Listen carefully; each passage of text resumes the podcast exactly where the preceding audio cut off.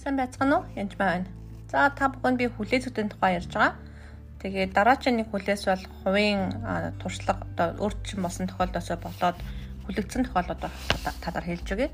Тэгээ өмнөх хичээлдэр би мэдлэгийн хүлээсийн талаар хэлж өгсөн байгаа. Тэгээд шашны хүлээсийн талаар ч гэсэн тэгээ хүүхд насны хүлээс. Аа тэгээ энэ дээр жишээлбэл ер нь бол таны амьдралд үндсэн хуулийг авч үзье. Та үндсэн хуультай гэж бодъё улс орон Тэгээд цахаг хааны цацаг хааны нэгжин ч юм уу тухайн одоо гэр орон ч гэсэн өөр ингэсэн хууль дүрмтэй байдаг ингэдэг тэгдэг гээд жишээл аяга ингэж 50 тэр 50 гэсэн хүртэл дүрм байж болох юм.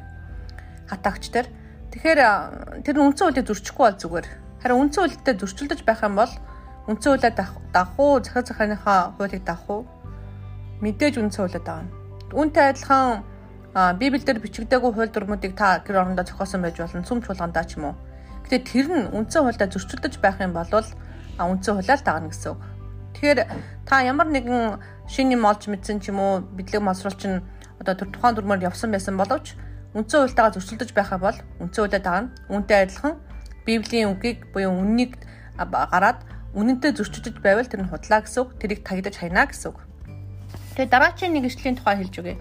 Тэгэхээр хүн хүнийсээ амьдралд олон саяхан бас болсон явдал л да а би нэг шавьгаа нэгсэндөө залбирыг гэдгсэн чинь багшаа энэ нэмэргүүдээ гэдгсэн. Ч энэ чинь зөндөө олон жил болцсон өвчин эмчнэр хилээд болохгүй гэж хэлсэн. Гар нь ингээ хөдөлтгүү гэдэл ингээ л хэлээдсэн. Би яг бол олон хүн үзээд үгүй гэж хэлсэн байгаа учраас заримдаа бид нэр залбираад залбирлын хариулт нь үгүй гэж хариултаа авч мэдэл хариулах залбирлынхаа хариултыг авахгүй болохоор зарим хүмүүс бүр бурханд бууж өгөхөөсөө илүү бурханд өсөрхөж холддог байж байгаа. Тэгэхээр энэ бол их аюултай зүйл. Ингэж холцсон хүмүүсийг би нэлээд хийдэг мэдэн шүү. Одоо ч хүүхэд гуугаад хүүхдтэй ирэхгүй ингээд бурхнаас холцсон хүмүүс байдаг.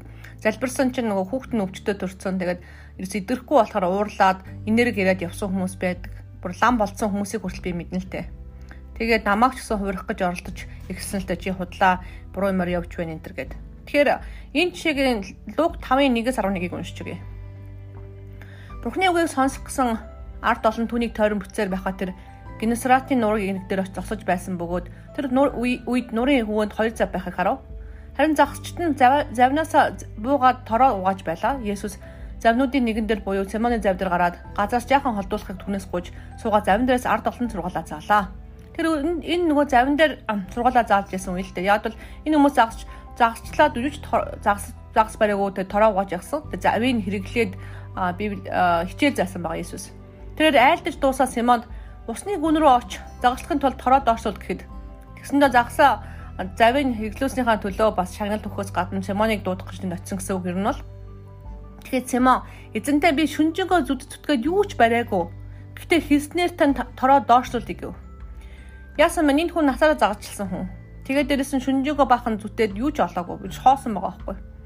Тэгээд танаа тэгтээ Есүсийн үгэнд ороод тороо дооршлуулсан байна. Ийм үдэлт маш олон загас орсноо тэр тор нь хурж эхлэв. Нөгөөндөө тор нь бүр задарч эхэлж байгаа байхгүй. Тэд нь нөгөө завн дээр бүү нөхдөр ирж туслах зохио тэр ирж хоёр завыг дүүгсэнд живг шах уу. Бүр тийм их загас баригдсан. Үүнийг үтсэн Симон Петр Есүсийн хөл дунаад эзээ намайг орхиоч би нүгэлтэй хүн гэлээ. Энэ энэ загшлагаас болж тэр болон нөхд нь бүр цочтжээ.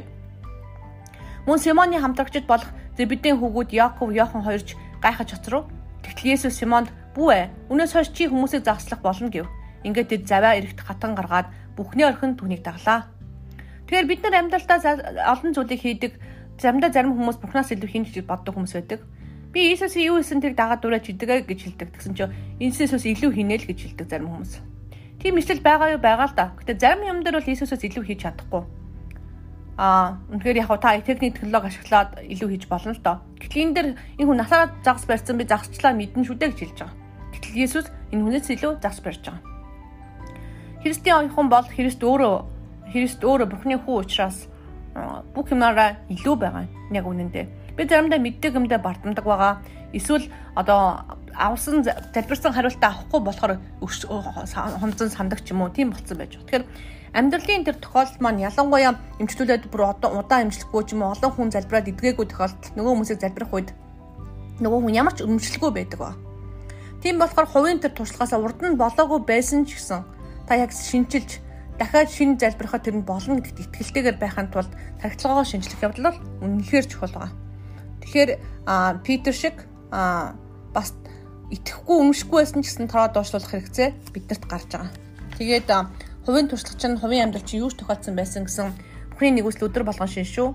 Тэгээд өдөр болгон түүнийг ариун сүнсээр дүрээрээ та бүхэн баярлалаа.